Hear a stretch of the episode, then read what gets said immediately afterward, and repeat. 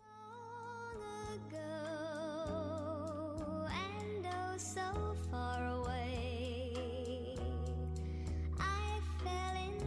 with you before the second show Jag atlar faktiskt att vi skulle sitta av bloggers plats. Ja, nämligen. Men eh, jag tycker vi att åkar visse med vi tog främmande malen som vi där var. Hever ser som uh, åkar misstångsa. Jag tar rakt nu. Har skott om det som vi gör är längskande färg av spåren. Ja. Är rakt vi har folk att hilt vi var en sån en sån sympatiserande eh, rörsla köra som palda Ja, det- i utlandet. Det är också vi. Ja. Vi är buyers like fighter. Vilja Bliger. Ja, och sitter i omkring som ganska lugist tusen pallar gånger i. Han gånger ofta i sån sån han är slöjf så. Ja, han gonger uiladna sindi som til snedet det er sånn ja, det er sånn Olle Breckman outfit som Ja. yeah. sånne rasister hava. Det er skolluga som alle geng uiladna som Olle Breckman. Ja, passar. Men um, han har skapat sina rumsterelse her, kjennes det. Ja, ja. Och i Hvis du ska Köpenhamn. bruka året rumhysterelse Ja. så är han just det. Ja. Men det är annars inte ett år som du ska bruka.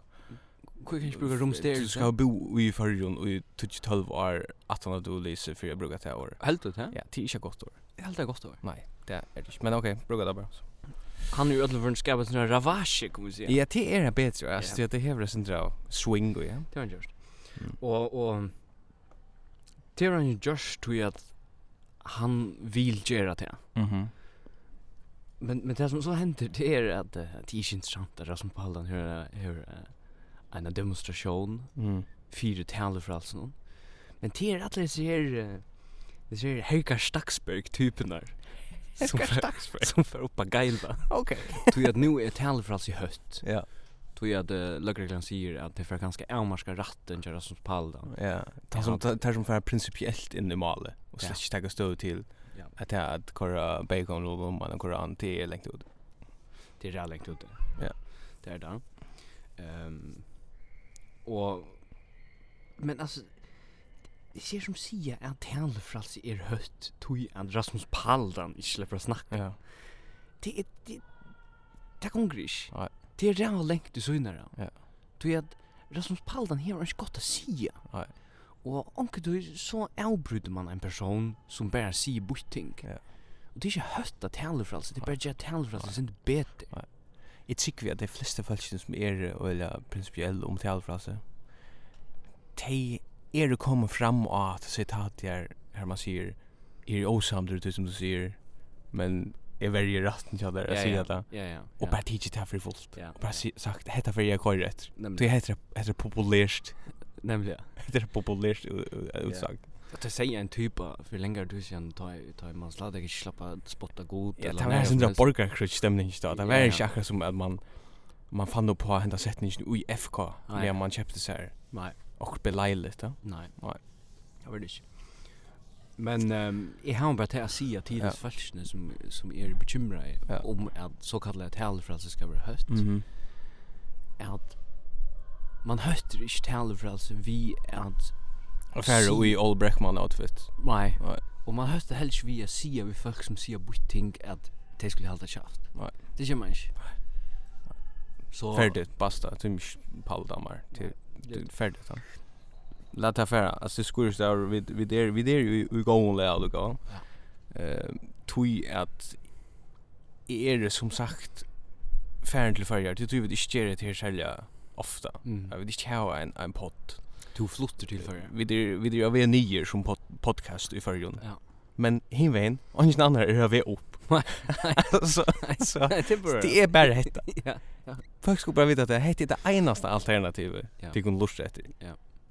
Det er Bortsett från och som och som någon häver om eh, NATO. Ja. Alltså Men du, det har vi huxat rann jag kom till. Jag brukar öle när jag kommer fru till la lusta efter någon. kring vart fländing och Ok- nåna. Okej, ja. Början ta någon kom ut så också hett är en go sending. Mhm. Och i början ta pressan kom ut Ja. som gång som jag kan fruja där. Så Det är också, fint. hett är en go Det är sending. synd ur helikopterperspektiv. Ja ja. Ja. Och det samma radarna. Mm. Men så händer det som har varit ett snurningspunkt i sin här podcast nu. Mhm. Och det är det att följa ver livet det Ja. är kött. Ja, evnen är färdig.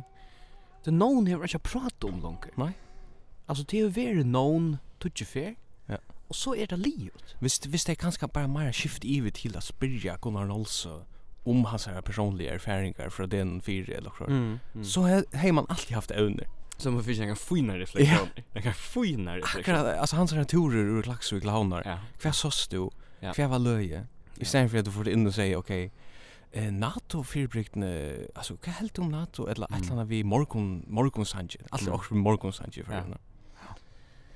Men altså, lukka meg ikke, her er faktisk eisen kommet en nytt kjending, uh, ui jar, Okej. eh, som er faktisk det mest til at en utesøde vi gjørst, Anna Poulsen, Ja, han är hever gjørst, Han är ens notera mig. trutjar Yes. Parstar. Yes. omføringar og sånt. Ja, ja.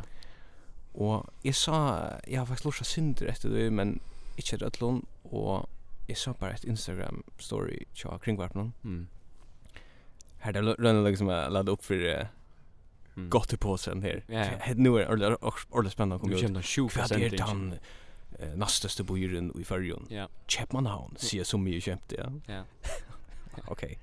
Og så står det, så kommer det neste, som er super, super innbjørende. Mm. Hvordan er det å leve som forelder i Kjepmannhavn? Yes. Ja. Det kvär kvär kommer det här underifrån. Jag jag huxar nämligen det samma och det visste jag huxar att jag sa jag lustade efter sändningen i morgon Mhm. om att det är föräldrarna. Mhm. Det första till er heiter av sändningen. Ja. Som eiter ta horvna atterlig. och så huxar man och hända sändningen för att snickva sig om uh, folkamorre och, och armenar Ja. i 1915. det gör det inte. Det snurrar ju om några- några läsande. Är detta ett faktuellt statement här? Ja, det var faktiskt. Okej. Ja, det var det. Det var det. Det går nog inte folk att droppa men jag Du kör som folkadrab, ja, ja, Nei, men torskar ni gjør det. Jeg vil Nei. ikke snakke om det. Nej, okej. Det gud jeg ikke snakke om det. Men det har en alltså det gör som ett Jeg har det genocide. atterlig, Ja, ja, ja. Mm. Og, og du er nødt derfor, hvis jeg det her er etter horvene atterlig, Ja. vi vet at det er ikke ødel som er 20 som flyttet til Danmark. Ja. Onker er i førjen og vi er blikksmier. Ja. ja. Han er eisen vi i atterlig. Kan ikke bare si at ødel som leser er atterlig. Och och det har väl nice. Nei, nei, nei, nei. Men det snurrer seg altså ikke om folkamordet av armener. Nej, nej, Det snurrer seg om føringer i København. Ja, ja, ja. Og første parster, eller en parster til om å være forelder Ja. av Øresens kollega. Ja. Og det var jo bare lust. Altså, lukket som alt pitje. Ja. Altså, alt motiveringen for sendingen er at det var lust som en kjempe avbjøring. Jeg var forelder i København. Tui at man har jo ikke familie og nedverk tatt vi. Ja. Og så sier de at Ja, men det, det, er- det, er så- det er så strevet tui at uh, nu har man jo skaffa seg bøtt, Mm. men ingen annan kan passa deg. Nej. Nei, men det er tuine bøtt. Det Du är skal passa deg själv. akkurat det. Och hade hade jag hade jag vet inte om jag har sagt det för men det är vi att er eh, man refererar ofta till Heimbro, det är vi att man borde ju förrjuna praktiskt kunna Ja. alltså tagge man tror jag till det blivit till. Mm. Tar du så först och är eh, förälder med förälder ganska de flesta vet att du lyser och flyttar till förjar. Ja. Så flyttar du till förjar. Mest av praktiskt kunna av. Ja, ja, ja. Tror jag att du inte ska passa på det bara. Du tror inte pass på ditt bad. Och apropå så är det bara att han förjar vet det eller. Ja, det är just det. Jag Okej. tycker mig allt är irriterande en och Men alltså, det här är ju tal för alltså. Ja, det är det. Till att göra det. Ja. Och vi sitter ju en gär. Och det er Kommer en kommer en förringer. Här kommer en förringer. Kommer en förringer. fullständigt längt ut. Det vill Ja. vara vi är det. Kompensje, hei. Hej. Hei. Hvis Har du du døyt i dag hyggelig? Alltså Okej. vi och i podcasten nu. Simpelthen. Mm. Live. Ja. Ja, god dag. Ardan. Här kommer en förringer. Ja. Det var sist min. Ja. Hon bor bara vi här. Ja. Ehm Tid har köpt blocken. Ja, jag käftar det rätt. Ja. Men er jag är inte liv vet jag. Det Ja. som du er säger, his fashion får sig bud. Ja. Och det största Albjörn Shadam är att det tror inte passar sin egen bud. Ja. Och tog är det obersträvig att bygga i Köpenhamn. Ja. Men er så är det något annat. Det är så, så grejer det från, en, en damma grejer från att hon bo av Arjusons kollega någon. Och i mer än åtta år. Okej. Hver gång fyra sig grånene till folk som bor av Arjusons kollega någon och i mer än åtta år. Åtta år. Det är akkurat som man gänger battna gär i sex år så jag, jag vill gärna halta fram. Alltså, jag tog mig Jag, inte. jag ser faktiskt också om akkurat detsamma att man att man bor så jävla länge. Alltså det är så jävla intensivt Ja, ja. tror jag ska. Ja. Och det finns två folk. Att två slöv alltså. Mm. det är det som kommer och sånt och är pressa ja. Ja, ja. Eller få ett sånt nu. Ja. Och så är det det som är öle bekväm vid stövna. Ja, Och det gärna vill alltså, leva här i landet. Ja. ja, ja. Och det är ett problem att rent eh, så utvecklingen har har varit så att Öresund är blivit rätt er centralt. Ja, ja. Så ja. att man bor faktiskt rätt Man bor ö centralt. väl. Ja, och i Köpenhamn. Ja. Det känner man. Hoast eh, allt allt lokum lukten. Alltså lokum lukten alla sån ja. Totalt. Journalisten, hon spyr en affär. Ja. Och nu citerar jag. Ja. Hur så klarar tid till så utan förälder som passar bötten? Nej, det har menar. Det spyr hon. Det är er akkurat här sån här vinkel. Och det är såhär, foreldrene, hon spyr foreldrene til bøtten Mm. om hvordan de foreldrene klarer seg utan sine egne foreldre at passa sitt egna barn. Mhm. Det er fullstendig absurd. Mhm. Og det er bare stafest til at det mest fermenterer at man i røver og i verden er nærkant du kan er bliva til å være Det- er- barn som har brukt sin første år av øra som skal leke. Ja. Altså, ta, ta snakka vi blamsopp, vi snakka, Ja. vi snakka briostar, vi snakka nekka pepperoni pizza her, altså. Ja, ja. Og nek eh, nek for- nek nek vera forsømt. Øyla, ja. Skolt om foreldrene er til stier. Du er foreldre som tøymsk. Ja, det er tymisk. Det er tøymsk. Det er det ikke. Alltså den nästa parten hade Lorsa jag syndrar att eh, nästa parten. Ja, kan handla Han handlar um ju om att vara lista folk och köpa man all. Ja, ja, okej. Ja. Det är så Som- inte öka typ nej. Alltså jag vet släcker det för nischmässiga. Nej. Kvar för man alltså er hur ser första året för äldre hur ser det väl lista folk. Ja, ja. Utväljningen är inte särliga Nej. er alltså logisk. Men du er är när jag huxar om Man kan kan Lucas säga vad det handlar Ja, om. Det ja, var ja, att Andreas Höen var vi Ja, ja. och så är er cirka de första fem minuterna jag går ut på att han drar finna en taxa Okej. Okej. som kan vara en erbjudning. Det kan vara en Så han elbjörn. listar alltså. folk Ja. och köper man. Men det är sen vi i förjon, akkurat som vi pratade om att att ta någon nu vart ta tutje passer och någon har varit så inte sant ävne efter det. Ja. Och i förjon kan allt bliva ett ävne. Ja. Bara baserat på att det er är föringar. Ja. Alltså till dömes hur är det att vara förälder? Ja. Det det vet jag inte. Det är inte en tema sändning i norra. Hur är det att vara förälder? Nej. Eller hur är det att vara lista folk akkurat här? Ja. Det är det är det är bara det som det är. Det är det. Det är det som det er. är. Det är det. Och Jo. ödles falskne säga att Jannik Fyrmonen vi att vara förälder och bygga Öresundskollegion någon. Ja. Tog att bötten kunde släppa snacka först alla då. Ja. Jag bara tänkte säga att det är inte viktigt i hemsöp jag snackar först. Nej. Ängst och rockning är bättre. Ja. Och nummer två, till dagarna så väl till så släpp så kunde det bara vara samma i förrgår. Mhm. Ultra att vi ville bara um säga, själv om jag alltid att förrgår skulle ta mot flötta falske, Mm. så kanske förrgår inte skulle ta mot flötta falske. Nå. Du jag förrgår vill inte möta öron falske. Helst att det er är i landet Så och till öron så, falske. så det kommer att uh, göra några gettor tog förringar för att pressa det in i Ja, ja, ja. Förrgår för att göra getter Ja. till, Ja.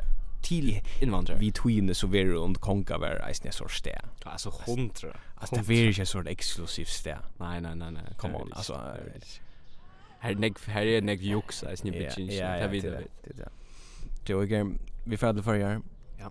Och eh till er nog ting hänt i förrjon. Eh här som här som hette hette hette akkurat som att Atlantic är superterningen av förrjon. Mhm. så er hendan søvan suppeterninger av fyrir.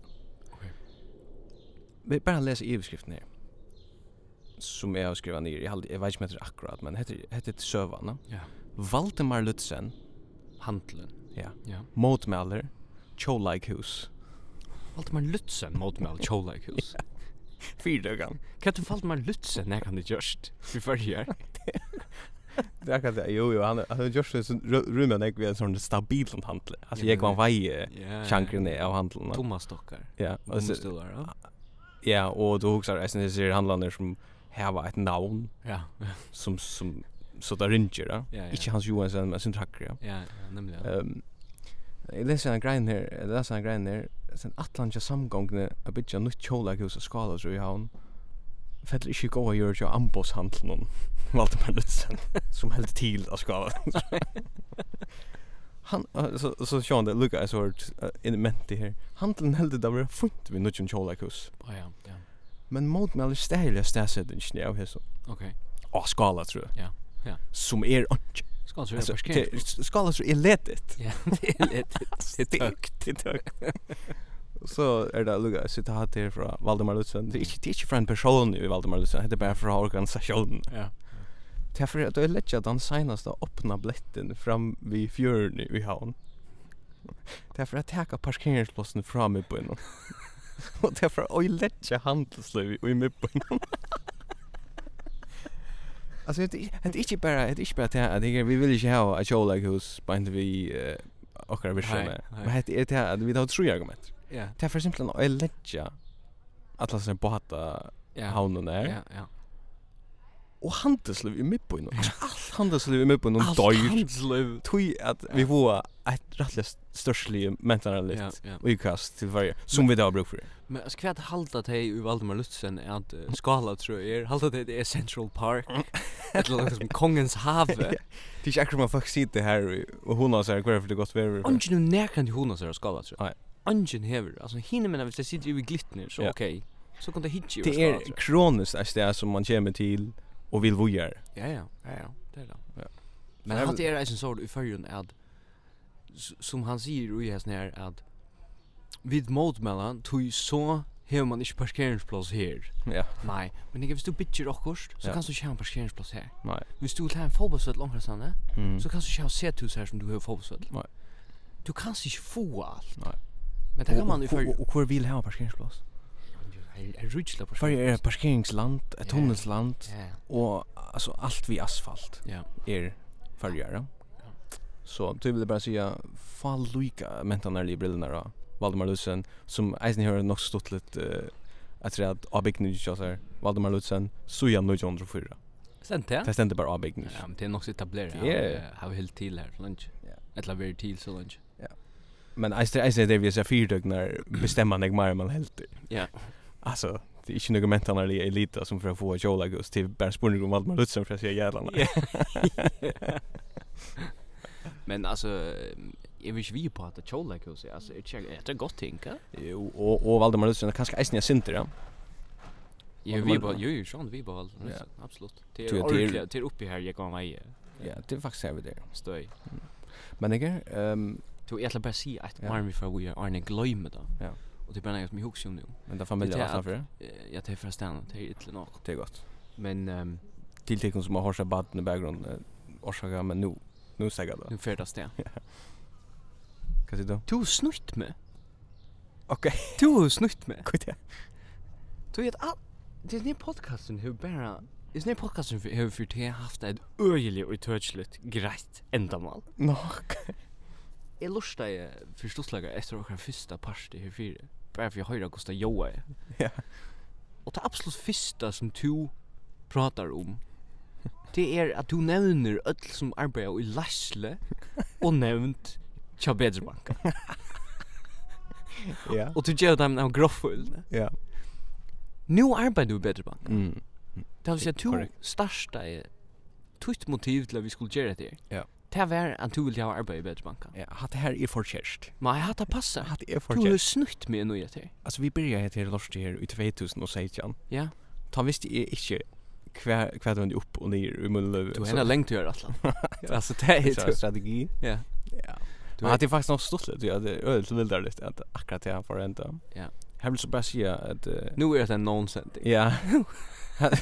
Jag bara look at Java rose till till bättre backa. Ja. Ja, okej. Okej. Okej. Så jag det Hennes hände där. sendingen är stolen av Du Bätterbanken vet och det- Valdemar Lutz. Jag valde mig och jag läggs och jag kan vara. i. Men eh Vi släpper ner änden. ja, okej fint.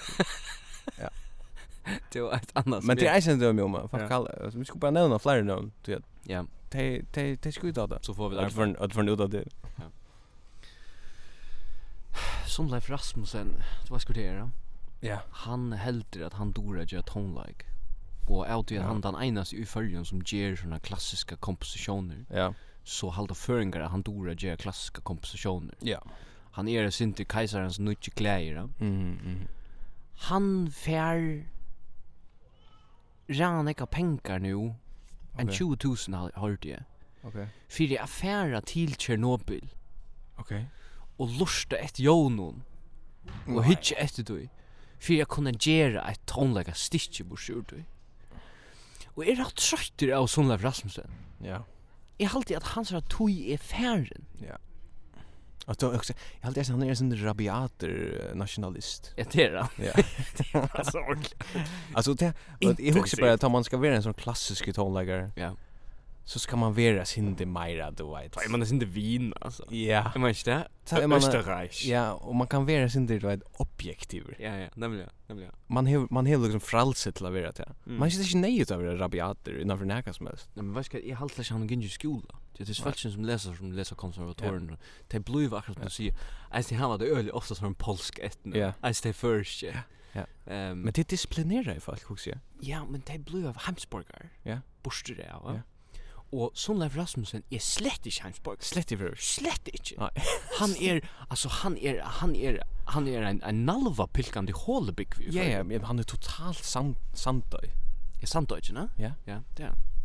Och och så teker är det andra folk som inte allt man kallar psykopat alltså potlar rena tycker vi. Ja. Han er är isen sånt. Ja. Han är slett heller inte en egen heimsborgare. Nej, det är han inte. Alltså slett Nej, Ah, inte. det är han inte. Och faktiskt jag sa jag nu i socialen någon att han eh, det var en sort om om eh, elbilar eller el alltså folk som lever grönt. Ja, ja. Politiker som lever grönt. Ja. Det görs en upptäljning. Är det någon som gör det? För- Ja. Eh, ja, faktiskt jag och Mikkelsen. Jag vet inte. Bigge. Bigge, yes. Han hejer hybridbil Ja, ja, ja, ja. ja. och han hejer eh onkel Orske som var semigrön. Han er Jag inte hitta bombe men det Okej. var Janna. Ja. Och det slutliga var så eisen att Potlar Rena tycker vi. Ja. Han ville inte upplysa. Vill du köpa Vill du kjopla seg hva for bil han eier? Og ei helter hva bostavren, hva er orske?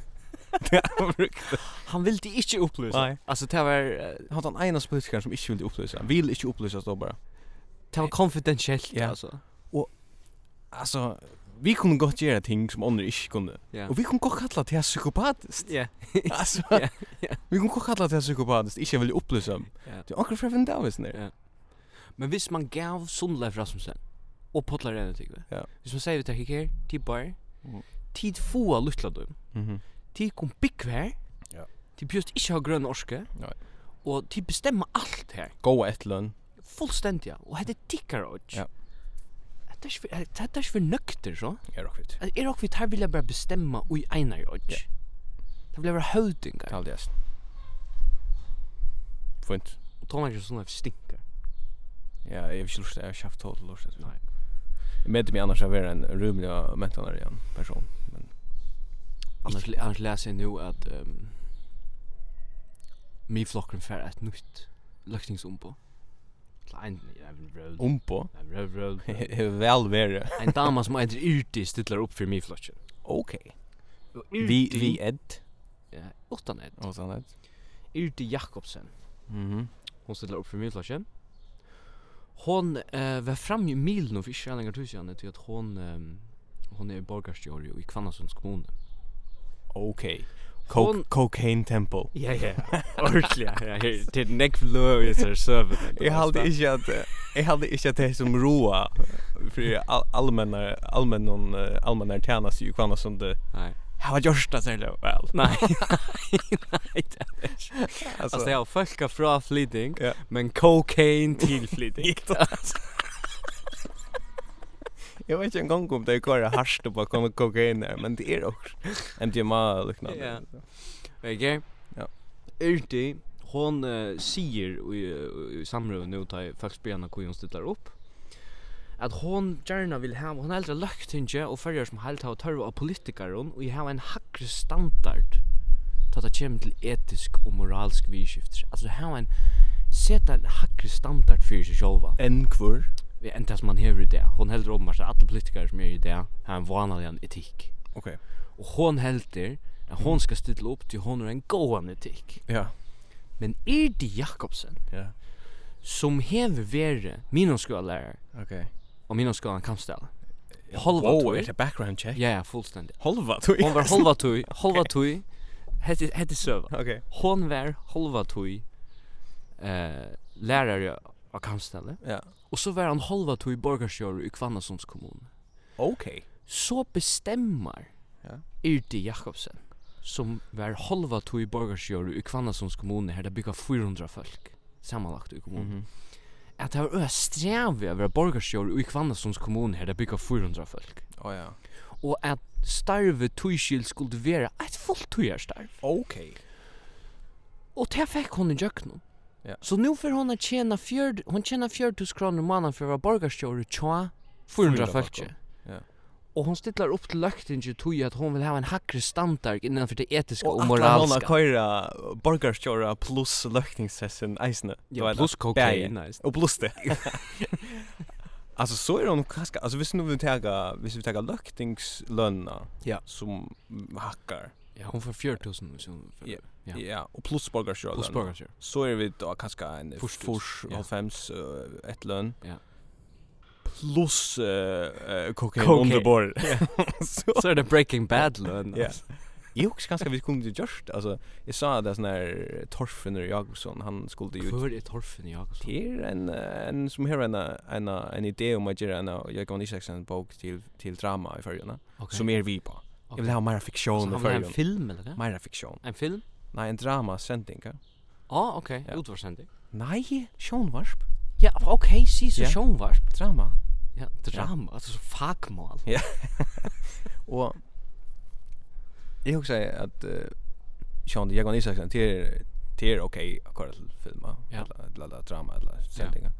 Og men hvor er bare tjene sin kvanna sånt? Ja, Kåre Kvannason. Hvor er ein borgarsjår inn Hundre. som er fiktivt og som er som, som er crooked Ja, ja, ja. ja. i kvanna sånt. Och alltså om bara blir till att få borgarna i Kvannason att Ja. betala för allt. Så Ja. att de betala 100 kronor i månaden per person Okej. till Irde Jakobsen. Till henne eller? Ja, det er akkurat det. 400 folk, 4000 kronor i månaden. Men Okej, hade vilt. ehm, framgång det är i Kvannason i Ödlenförn. Jo, eh, vi snakka om eh, fyrtøkker, Janne, og eh, det er jo til hent i 2019, eller endan av 2018, er at Tino Enders Pizza får heisen. Ja. Vi har ikke hørt fra folk med um handan Tino Enders Pizza så igjen. Nej. Det er aller helst flott til kvann og sånt. Ja. ja. Men i stegen er en fyrtøk åpna, samme sted, som er en fullkomlig absurd sted, innskip Bjarkargøta og i Høyvøk, en sygøta til Karl Magnus. Karl Max Ja. Du är en personlig aversion mot Karl Max. Ja. Og tann fyrtøkan eitir Ray Lake. Rejlek. Ja. Rejlek alltså som rejlek. Yes. Okej. Og til er uh, min gode vinner Amin Bouzidi, som reker det, som En er god maver. en, som en god maver. Gå med. Ehm, Hallo Amin, hvis du er der. Ehm, jeg vil gjerne si at han fyrtøkan er månande bedre enn Tino enn til Hon är månande vet. Ja. Ja. Kvitt här. Ja, jeg føler bare at han er større på sitt shit. Är man frityre? Ja, ja, det er han er det frityr. Ja, ja. En frityre han kontakt vi kvar kontan han han vill är- ha. Altså, han hever alt fra edja burgere til uh, en uh, chorizo pepperoni pizza. Ja, okej. Ja, ja. Ja. Og Han er større på det her. Fær her, prøv det. Mm. Vi er på det. En annan frityre är snitt öppna men till något länge sedan. Ok. Det är han den här. Hva? Kör Rosenbusk. Han har vi pratat om. Steigen. Steichen. Ja, åh. Här är ett kämpespelland i chatlaren. Ja. Det är jävla klamt. Ja, ja, Alltså det är jävla klamme tanke att huxa sig man för in att, att, att, volka sig i en buffé ja. och dumpa bötten i chatlaren. Ja. Men hade hon ganska samma vid att föräldrar som bygger öra som till halva det sträv att passa sin egen böt. Föringar som det- färra det- män står i halva ganska ens till sträv i halva bötten vid bor. Det er akkurat det.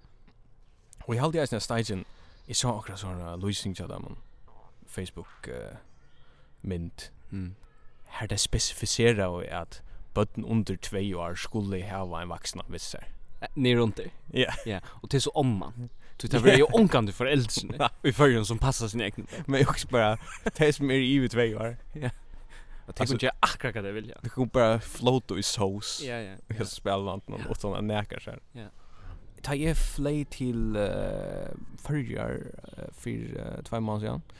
Så är vi alltså ute i en här nutjar typ är alltså. Okej. Ja, och heter en öle tillkommen typ. Okej. Ja. Heter är en alltså är syndra marschen i mitten av det vi är på så typerna och så jag säger okej okay, att för neck. För Nick. Ja. Okej. Hetta er ein 8,5 ára gamal fyrir Mhm. som hever veri ui hesen eh, Danmark Mhm. og hever uh, vidja familie Okay. og atlar adressera allt vi åren som han har uppleva. Okay. Okay. Av feriene, av flåvetlun, ombord av flåfæren Ja. og hva han atlar resten av hans her døven. Löven. Ja, Okay. og han Alltså er vir- vi te. Ja. Okay. og han er han er så sett seg nye og han han er ø- illa gongter Mm. så jeg har en avvis empati vi hon Mm. og han setter seg nye og jeg også ok fint jeg kører munna buffar og Ja. jeg prøver ja Du kör both. ja og jeg prøver jeg prøver så vet inte riktigt men jag tar riktigt Nej, släkt nej. men han sitter bara här och han säger ju med att att eh, det är så jävla himmelskt alltså han øh, kör en antal där Mm. mm. himmelskt att kunna vara och vara flåfär så har vi så ung folk och han är snackar om ung ung folk eh, av flåvälten som var förut och och folk sin hödda så gott i det mål till hur han nu har haft Ja, men det det er är nog så till samma. Ja, det er får jag göra. Tack nämn. Ja. Sympatiskt. intill att han blev heavily drunk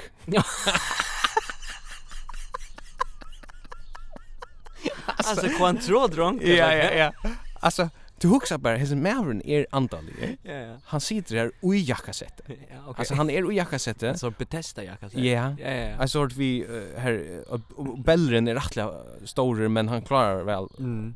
Jag kan Okej, sätta, det ja. var väl Vad gott. är det va? Ja. Och han har sån tics att han blev ju flytta sig och hooks bara er okej, jag tror också som affär de man blir gammal. Ja. Men han häver bara abstinenser. Ja. ja.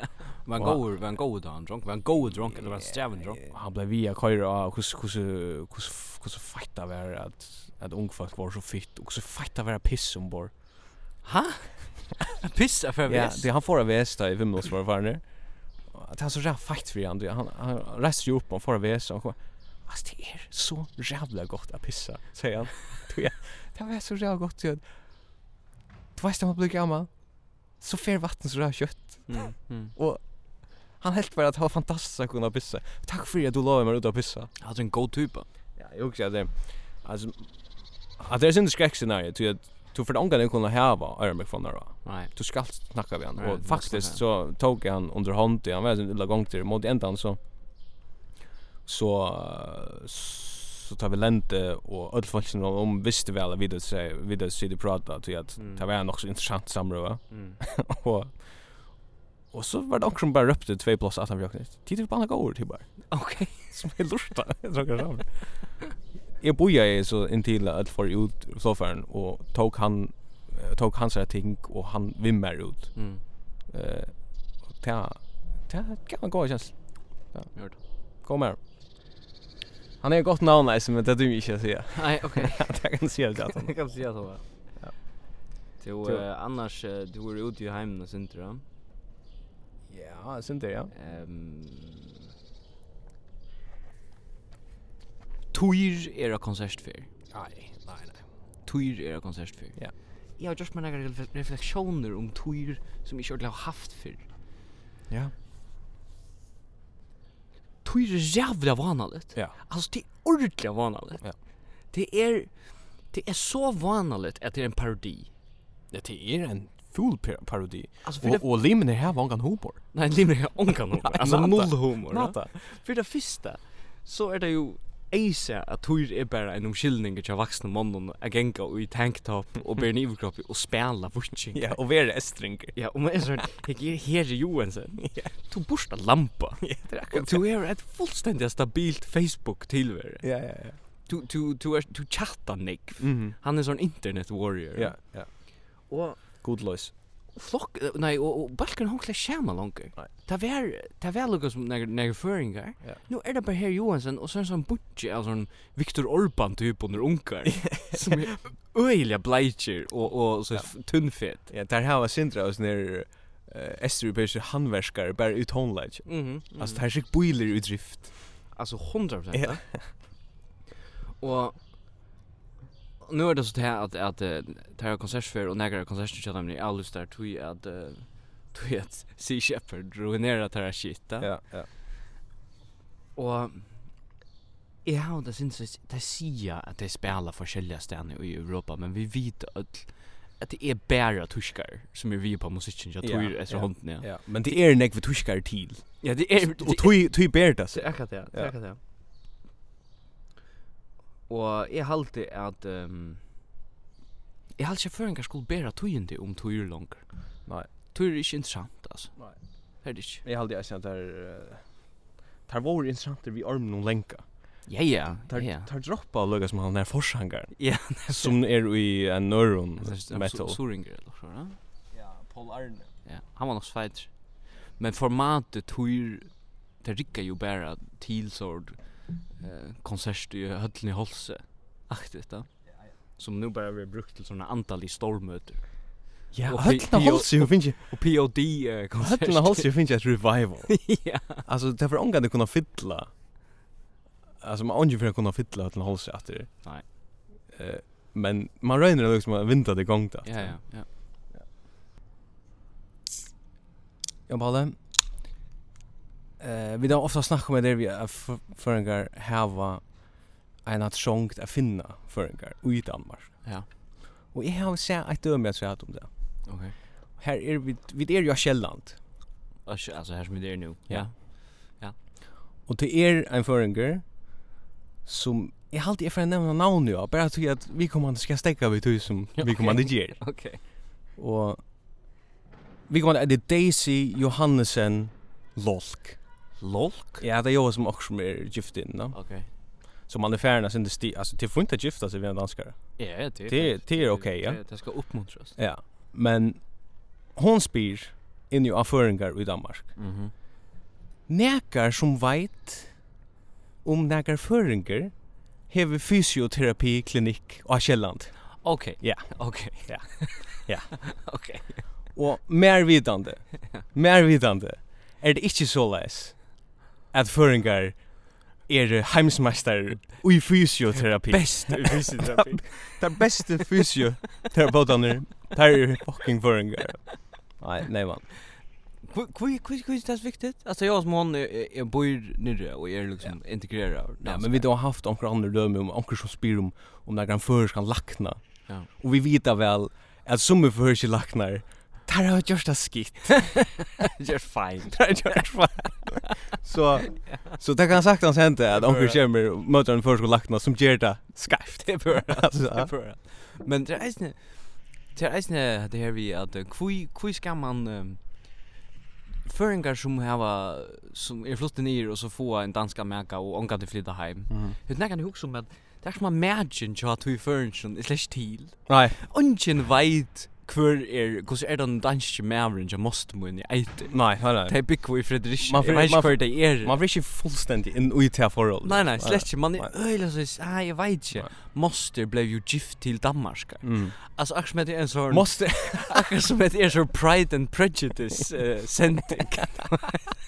sånn kongafamilie som gifta bort. Ja, ja.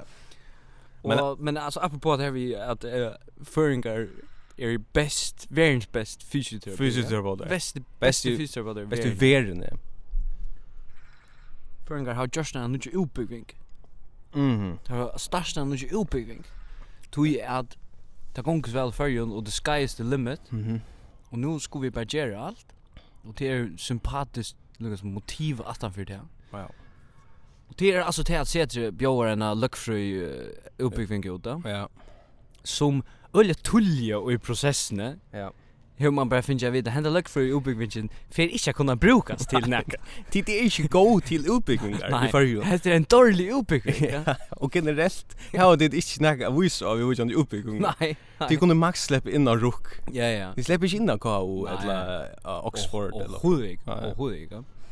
Och tog ju snacka när om att vi hade några um fraud eh luckfröingar som var Ja. uppe under i Danmark och så Det kom var- hem att Det var sagt igjen når heitar løte. Ja, jag vet inte. Jag vet inte. Men men nu har nu får vi alltså ha fraud luckfröingar som har papper någon ens ner fraud. Der har der har simpelthen underskriva Ja. fraud utbygging. Ja ja ja. Hendan utbyggingen kan ikke brukast. Nej, hon kan Du har inte brukt göra- nekva, Nei. tog jo på, Nei. ondje, ferdig, Nei. du liv. Bologna tänker inte undervisning. Det er akkurat det. Jo, ok, vi, vi kan godt, vi kan takke, jeg synes at vi er, vi er sånn, her, vi, hva er godkjent utan- utanlands, og hva er godkjent i førjen. Mm. Tui at uh, vokk gruta til dømes. En wokgruta. Ja. Eller vokk meter. Ja. Det kan vara fint. Ja. Og det hever naga spe spesifikationer. Vok. Ja. Eh, grønnsaker. Ja, ja, Ja. ja. ja. Nekko grønnsaker Ja. ofte. Og Og, f- og nudler og Og sånt. nudler og rørt var asiatisk. Ja. Primært. Føringar Ja, som gjerra vok ja.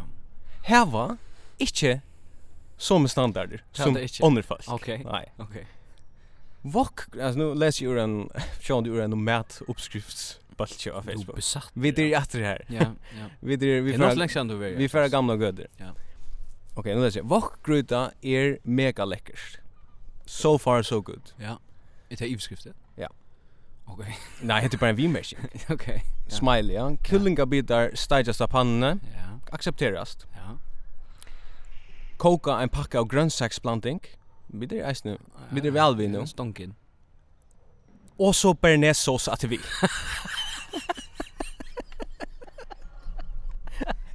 Takk og Nej, det grunn. kan man inte. kan man Det kan man inte. man ikke. Alltså ojs man så bara bearnaisesås om man iver. Hela lorsen. Tja, jeg vet ikke. Och så är det wok bearnaise. Det det er det bare. Vok bearnaise. Är det det? Det er noe. Nej, det går inte. Men eisne, eisne til at man, man teker seg grønnsaksblandingene. Ja. Det er ikke en blanding her du manuelt er sfæren til skjerebrettet. Nej, nej, nej. och och hur skorar det? Nej. Till er en Ja. påse mix. Till en påse, ja. Vi, vi sån sån räffle i att Ja. sån skor sån räffle bitar. räffle. Ja, kan jag äta det. Så det är liksom riv och det er är sån där bilchip som bulkchip. Ja ja ja. Bilger ja. Bilch. Bulkchips, det är skilt då. Ja, det er- här är Det ju. är skilt- grönsakerna är er skilt- Här är vi. Jag är en annan en annan uppskrift faktiskt nu att du säger det. Mm. Hon er är postad in a Føringar av Øresundskollegene. Det er ikke en oppskrift. Okej. Jeg får eisen nevne navnet. Til navnet stender jeg. Ja, men skulle nämna flera Jeg nouns. skulle nevne flere navn, Ja. til at folk skulle takke apert for hva det gjør i allmenne rom noen. Men Mm. det er alltid her at Hekar Staksberg og Rasmus Paldan, som er bengen bengene for at tale for alt er høtt, Ja. er ikke høtt. Nei. Alt er åpe. Totalt. Lina Hamra, Gregaris døtter, Okej. postar inn av Føringar av Øresundskollegene. Ja. Apropos hva Føringar eta. Okej. Nekar og kunde ete rastasupan. Smakka gott. Go kjøtstykker ui, og hon fekk a sindi nekv av ruise. Så jeg hev veri frist einafer, så det skal nok ikkje fristast atter. Nej.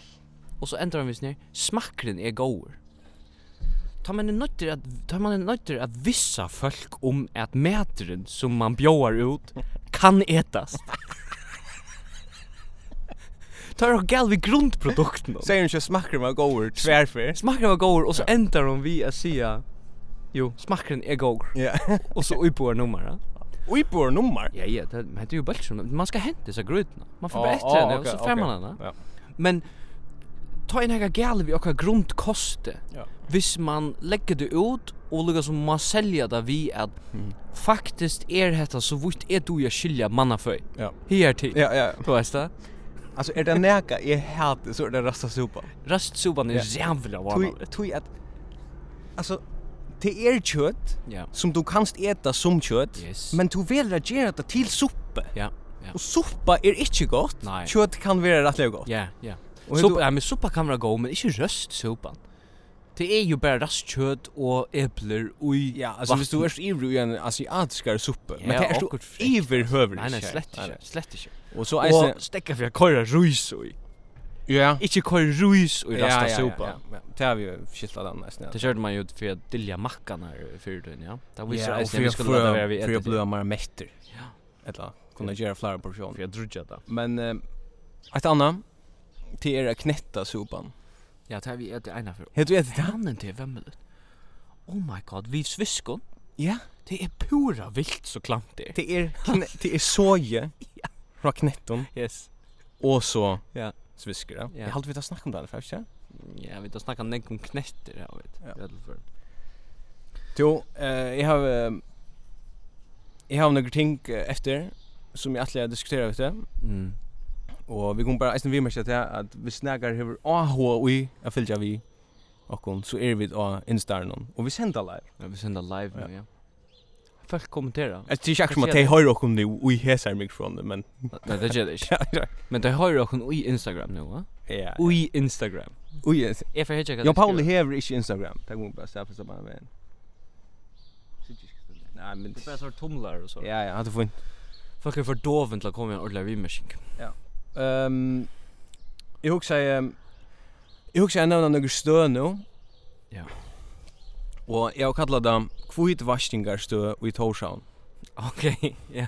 Okej. Jag har några sådana i ötsnum här. Her Det är er ofta ghost. er Ja, ja, fina grejer, men eh? Ja. det är inte gott. Nej, okej. Alltså jag har en um, alltså jag halt jag har en meeting av kvar ju stå i förjun är det till. Alltså jag har puls, Ja. men jag har unga kunder. Onka kontar. Nej, Ja. ja, vi vi. Ehm hon och han Hon och han, yes. Yes. nada kunder. Nej, nej, nej. Åh, hon gick. Nej. Åh, hon gick. Det kör inte när Alltså man kan faktiskt inte hon köra in här. Nej. Från vännen. Man kan inte köra in här. Hon och han är eh, alltså till alla listan. 100% quidbashing. Kanske kanske jag samstar vi Kvannasunds kommun och Yrte Jakobsen. er Ja, ja, ja, hon Alltså Breaking Bad, Ah, ja. Kokain, eh, kvann och sånt, ja. Mm. Men eh, hon och han en handel som jag halt akkurat lukka över som är Vogue Ja. som är en blindon väg Yes. som Ja. är väl till forever. Han var Ivar Samers. Men jag ångkande ginja så här gud utan jag sk- skulle bo här till Ja. och där. Ja. Ja. Jag var samma. Men han så lukka över så vi kunde köra. Nej. Basement. Ska inte det. Ja. Ja. Nej. Men här är nog stäck folk. Jag var bara sjukt att ha cash. Jag hade nej, jag hade jag hade till stadig sån som har blandingar vi. Ja. Och så här hade det gömmat utanför.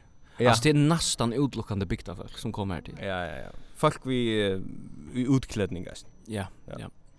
Ehm och så we travel men här alltså We travel. Det Men jag hade lugga we travel alltså det det är okej. Alltså det Det är det är okej. läge. We travel nog så åpe fraud vi ser. Alltså det tar dilje inte att det är Nej. fraud. Där går en rättliga random marknadskampanj Ja, alltså. ja. Det er är bara Ja. skriva ett eller annat random. ja. Det var en ånder men jag glöm- jag glömde såna ett sälja sälja skäckvar. En extremt er stor skäckvarhandel i havn. Det var inne i någon. Demos? Är gamla byn någon. Inte demos en annan. Nej tror jag. Ja. Jag låter en demos jag vet. Ja. Ja. Lima.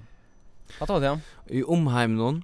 Hade det till stön i havn. Hvis man häver några andra så hvis tid er av några andra så så så är det eh, Alltså här här må må vara någon från Kvidvashingar uh, geschäft det big days ne.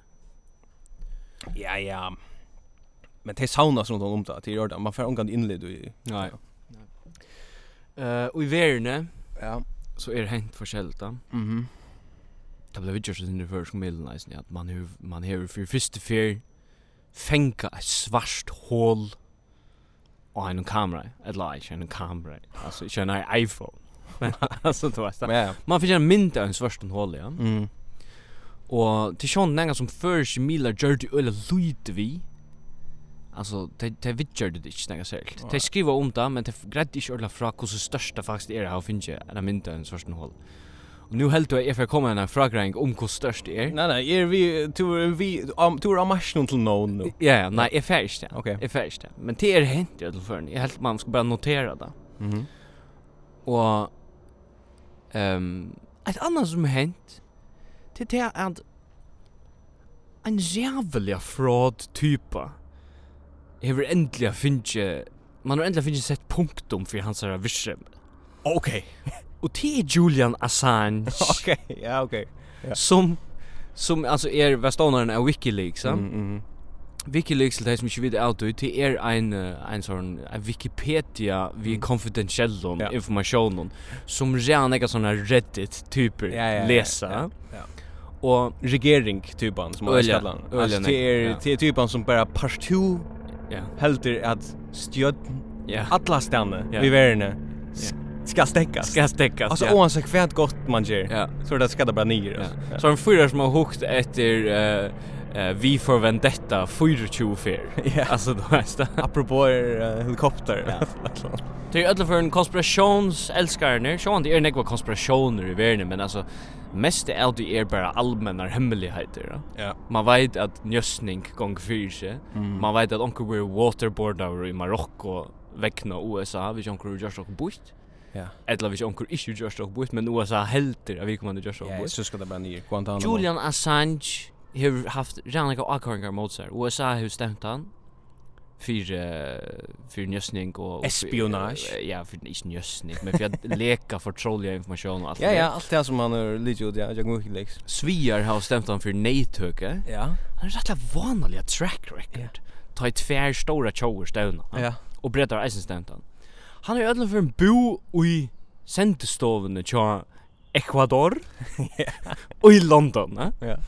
Og i seks år. Mhm. Seks år har han vært inne her, ne? Ja, Og da han kommer ut, så ser han ikke særlig at hest blir Nei, det kjenner ikke. Sinter Ole Vik. Han er rannig frysepizza og Olvik look. Ole Vik er eisen bo i en sendestov lunche. Det vet man han er. Olvik ser ut som han har bo seks år, han er sen litt Det var ekvadorianske sendestov. Og nekk frysepizza, ja. Ja, nei, frysepizza. Men alltså som sagt så är rätt typ när det är säkert jävligt indignerad ja. Ja. Åh, your free speech och han är så viktig ja. Och nu vill han teachen och han vill alla helst center till USA här ska han ska för i ratten ja. Ja. Men jag vet ju ödel för en ein som är jävla glaver om att om att Assange nu är teachen ja. Å ja. Och det är ambassadören till er Ecuador Ja, och i London som bara så här, kom till kan den mannen ut. Ja. Alltså jag tror inte här han här Han långt. Han ligger med en sofa. Hvordan stor er Och hon ambassaden är ju til rätt stor. Ecuador? Vad är det här står?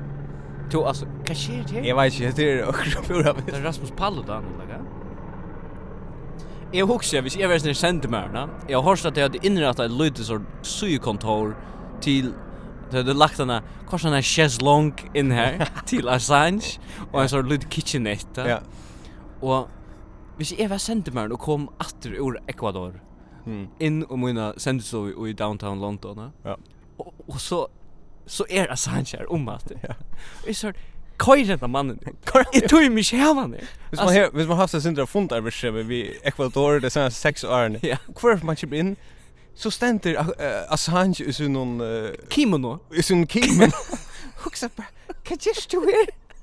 Fer ut. Go fer ut. Du hever lite allt ut som du hever. Ja. Du hever inte efter Ja. en att sitta i fängelse. Men Sean är negver laptop uh, aktivister som är som är den indignerade. Ja. Men ehm jo, jag har vi ett rätt. jag ska lugga ända Armin. Assange. Jag ska lugga ända Assange. Ja, ja. Ja, lugga ända Assange. Och det är till exempel att han har varit sändstånd i Ecuador i sex år. Ja. Ja.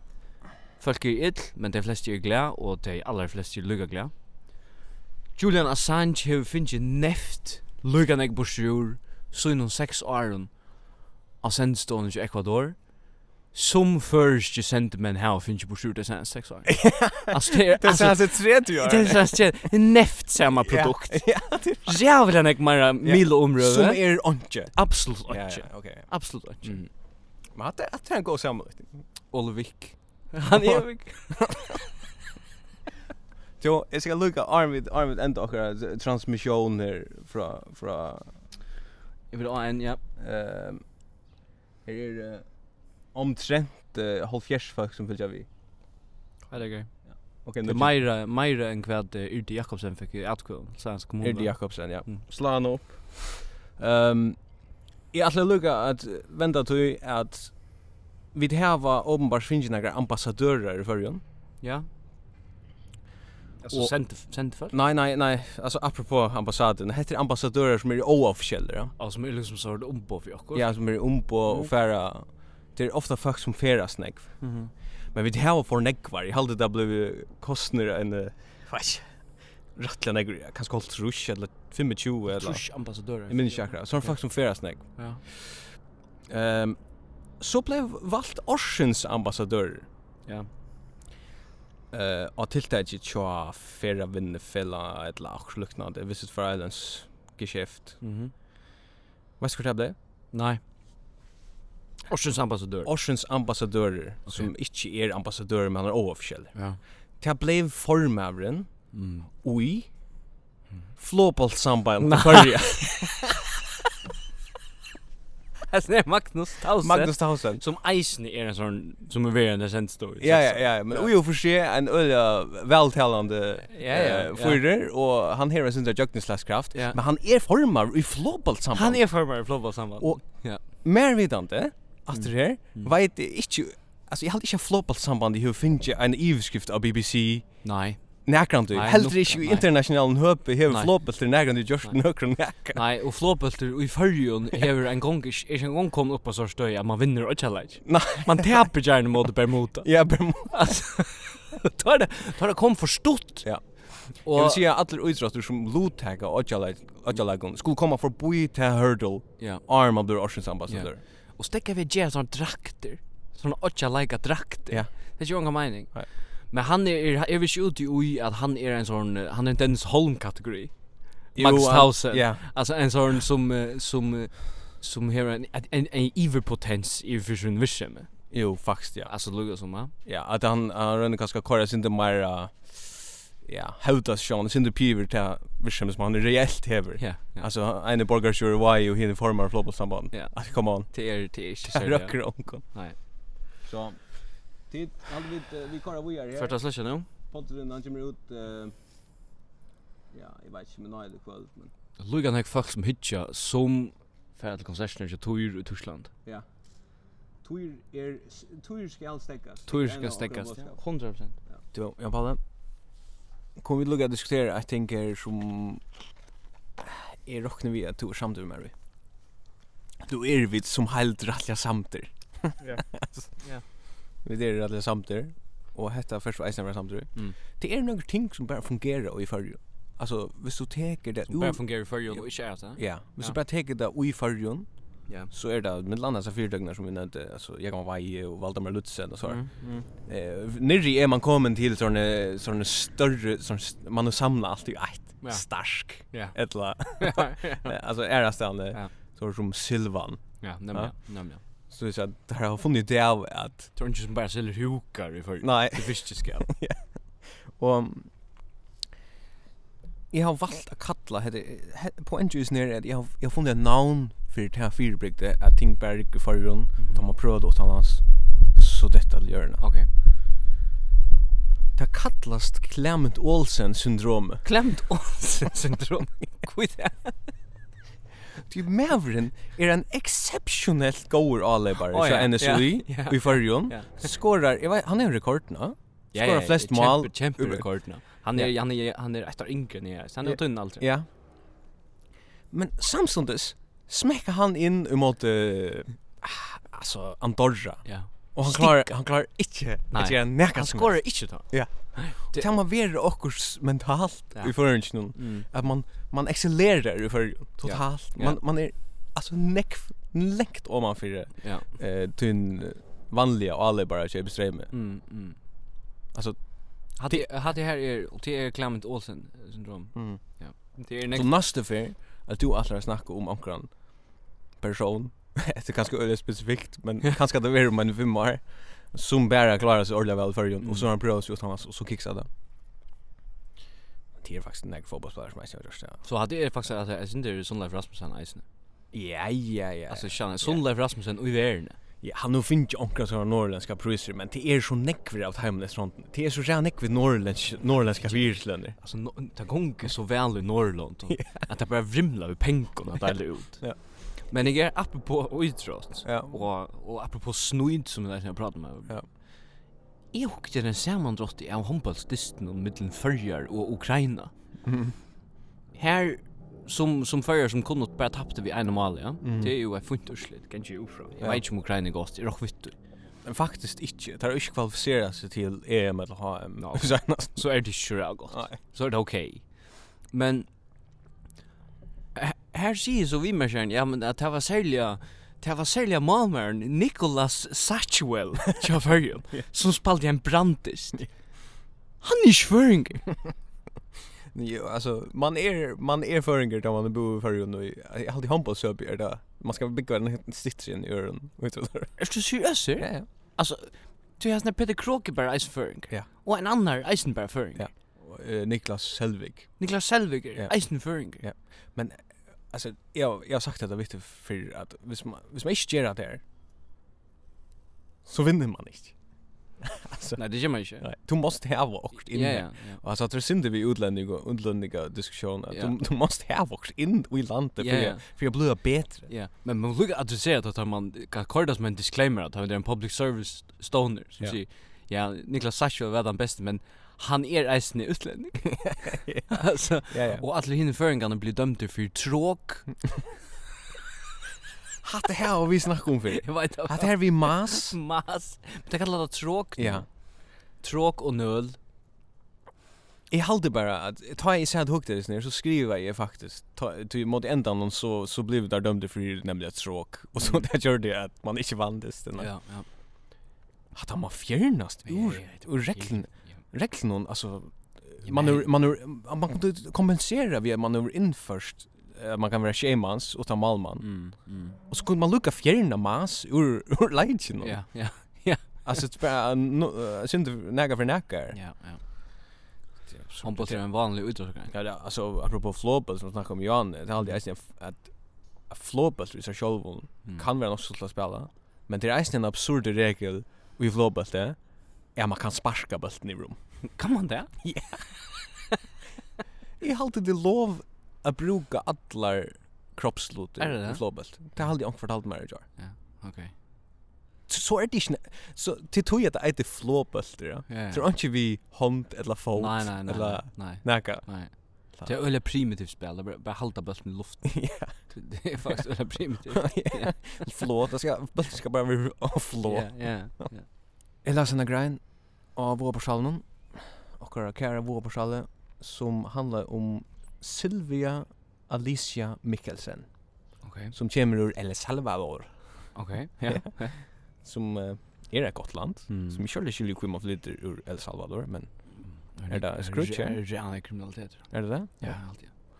Eh, hon flyttade till Färjar i april i fjör och ehm hon er är så i hajta stolen och kör lokal.fo Okej. som är Lokal.f. Ja, som er, eh, är jag men samman vi vår person och att att vinna för ska milla matchen. Ja, fullständigt. ja, alltså det vinner. Fullständigt. Alltså Baitemaren och Jens Hagen Leo. Ja, ja, det korrar det. Ja.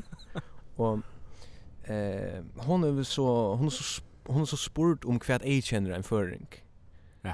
Ehm Men jag vet inte minns hinna grejerna, det var en annan utlänning i sin stol någon Mm. som så säger att hon visste sin skilt inte hur föringar alltid hosta och det kom in i ett rum. Åh ja, ja, ja. Alltså det kom in i ett rum och så Mm. Mm. Ehm hon var spurka agent er erfaring och hon väl true punkt. Mm. Nummer 1. Förge män då fram ur väl att göra mat. Ja, det är okej. Ja, det är inte det agent som jag kan Nej, nej, validera. här. Nej, ja, och hur Nummer er 2. Föringar är sera vinarlier och Okej. tar kunde lysa ett rum upp vid deras smulon. Okej. Kvar hon er värre? Ja, Har hon kanske samkom? ja, det är också Det er så. är hon kanske. Ja, och nu inte lyser det någon väl av. Nej, nej. Och så är det nummer 3. Mm. Ehm hetta her er nokk ta mest presisa agent kjøn føringe nækrandi sum eg lesa nækrandi. Okej. Nummer 3. Føring kom damer, sera vel koka eple. Ja. ja. Yes. Altså, det er militant hos man damer Ja, koka ja, eple. ja. Man er det da Ja. whenever. Ja. Altså, ta er du gjersta, Ja. kanskje godt kvar et eple i munnen. Ja. Og ta, ta et er holdt koka, Ja. så kanskje godt servera det. Ja. Og ta et koka, så- så er det da, og så kan det eisen kølas. Ja, ja, nämligen Og brukast. kallt äpplen Ja. på brej. Ja. Det är klantat. Men hon var inte hon snackar om det. Ja. Äpplet kommer härifrån. Ja. Det kommer härifrån. Det händer av kontinenten. Å, ja.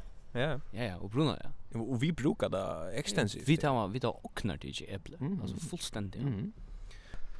Vi tar finna tipp Mm. och jag finns det av av mina eh, inbox. Och din personliga vänka. Yes, inte av veggen. Nej. Som man släcker ger longer. Nej. Jag har alltid det ting man ska bry på. Ja, alltid. ja, ja. Att man ska vara sin mer allmänner i sin sån där Absolut. tillgång till bara lägga ting av veggen. Här var Hej. ringt. Här har vi ringt, ja, punkt. Ehm, Här är en som skriver in av uplåster till åkara hem. Som vi, det är en böcker som vi känner till. Det är en god böske. Ja. Ehm hon skriver Hej tid, nu må jeg høre tykkara meningar eller ideer om og slutnande. Jeg er en typa som seriøst kan spudja av fölkje som ikke vaskar seg fingrarna ta det er lio av es. Okej. Ja. med ekvis Liberian. Ja, ja, men det var lägger lägger stöjer. Ja. Jag har rönt och hukt runt i förjun och man inte kan hänga och luta på väggen eller akkurst. Här det ständer att man ska vaska fingrar där man lever. Mm. Nu tar jag have button själv Mm. och vet att summe som gänga in i tja akkon, Mm. parentes byrjar, svigerfamiljan, parentes enter. Okej. Hon bara låst om sig för mig. Ja. Vaska sig inte, det är Leo. Okej. Kvärt, alltså hette är dejen och henne tjonalej. Ja. Det kommer bara sätta sig Ja. man vet.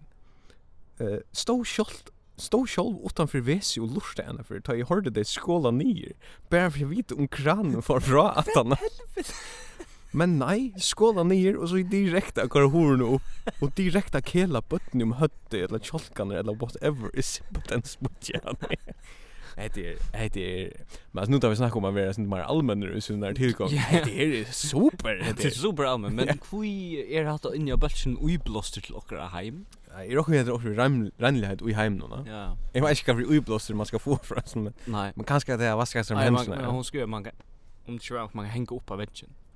Ja, ja, okej, okej. Ja.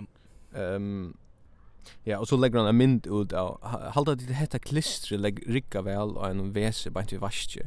Eller känna dit och penare som jag kan köpa. För det visste så är vi mest.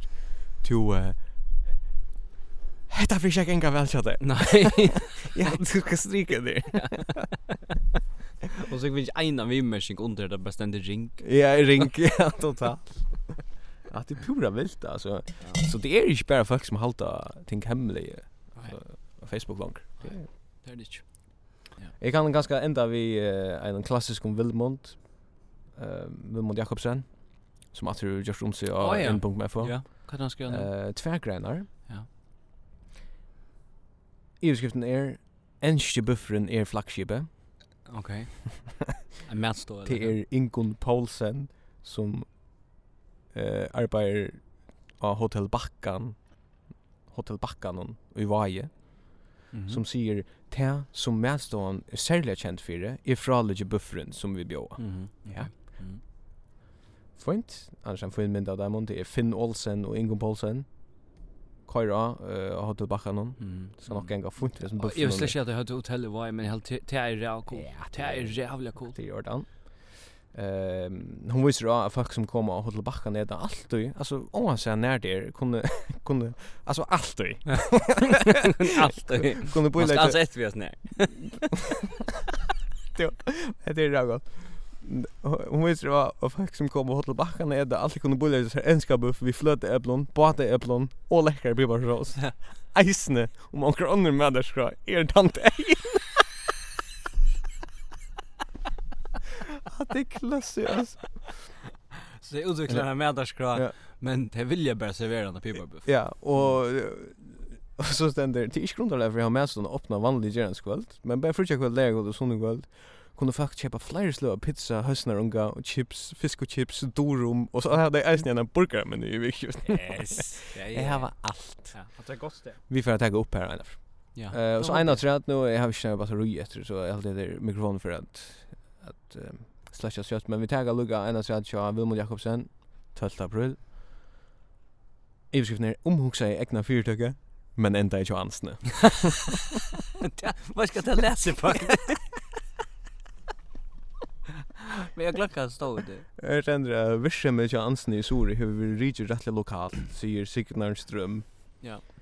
Ehm och så säger han att ehm Ja, alltså han säger ju själva det här som ständer i utskriften, men han säger som eka politister Jackie Huxa om att vara hållt i den här fyrdögge som kunde vajda till hennes till resor vid att någon vaktar halvtid. Mm. Och så ständer bara, jag kommer prata vid Helga Justinsson Stjorr och Eier Hansen. Ja. så ändar jag bara. Jag får inte söva. Hur blir man eka politist? Alltså är det att man har gynnsju Som- politi, politiuppbygging men inte klarar det sista röntna. Som man så tog kvasi politist. Hade, ja. ja. Men is is look at that det sender at um vi starven om fri ansen i hese arne hever Signarstrøm, eisen tidis er av eit no setanar samrøven, og teacher är och sätter ja okej. Och ta nej till very of lost folk och så vi här han eisen teacher till uppgåvan och sin kappa. Ja, det är nice, ja. Så ta på det. Så läs arbete vid rätt skjolstut här sjure. Det vill säga att han han helt inte att man bäger till sättarna samlar och man löser folk och starve Nei. norra för. Nej. Här sjure här arbetar vi på handamata. Ja, ja, ja. Så jag vill sagt Vilmund halt to fram vi sån här. Vilmund har gott virksomhet. Han har gått visst med tyn. Ja. Hatt hatt en neck friare än någon. Att det är negg för en. Vi tyr mig snakka om Brexit eller NATO, vi Nei. vill snakka um om Signarström. Ja, ja. Det vill jag veta. Färdig för så för vid Färdig för jag Vi får att äta, vi får äta påskalamp nu. påskala. Mhm. Amatörer är i gång efter nu, men vid anish innanför kvar frekvenser vi höjras näst för. Nej, det gör vi inte. Tror jag Och- att, eh, och Detta kan ens vara så styr. Ja, ty- vi vi har inte skräpna kan vi göra. Nej. Okkara plan är on gym plan. Det som Så. fröjer mig mest till är det Ja. här att uh, sendemären till Ecuador Ja. har utfajt uh, han uh, Olvik. Olvik. Han har- han har utfajt Assange. Alltså, ja. Point Nei. ur ur garnon chapman han vi tar rast.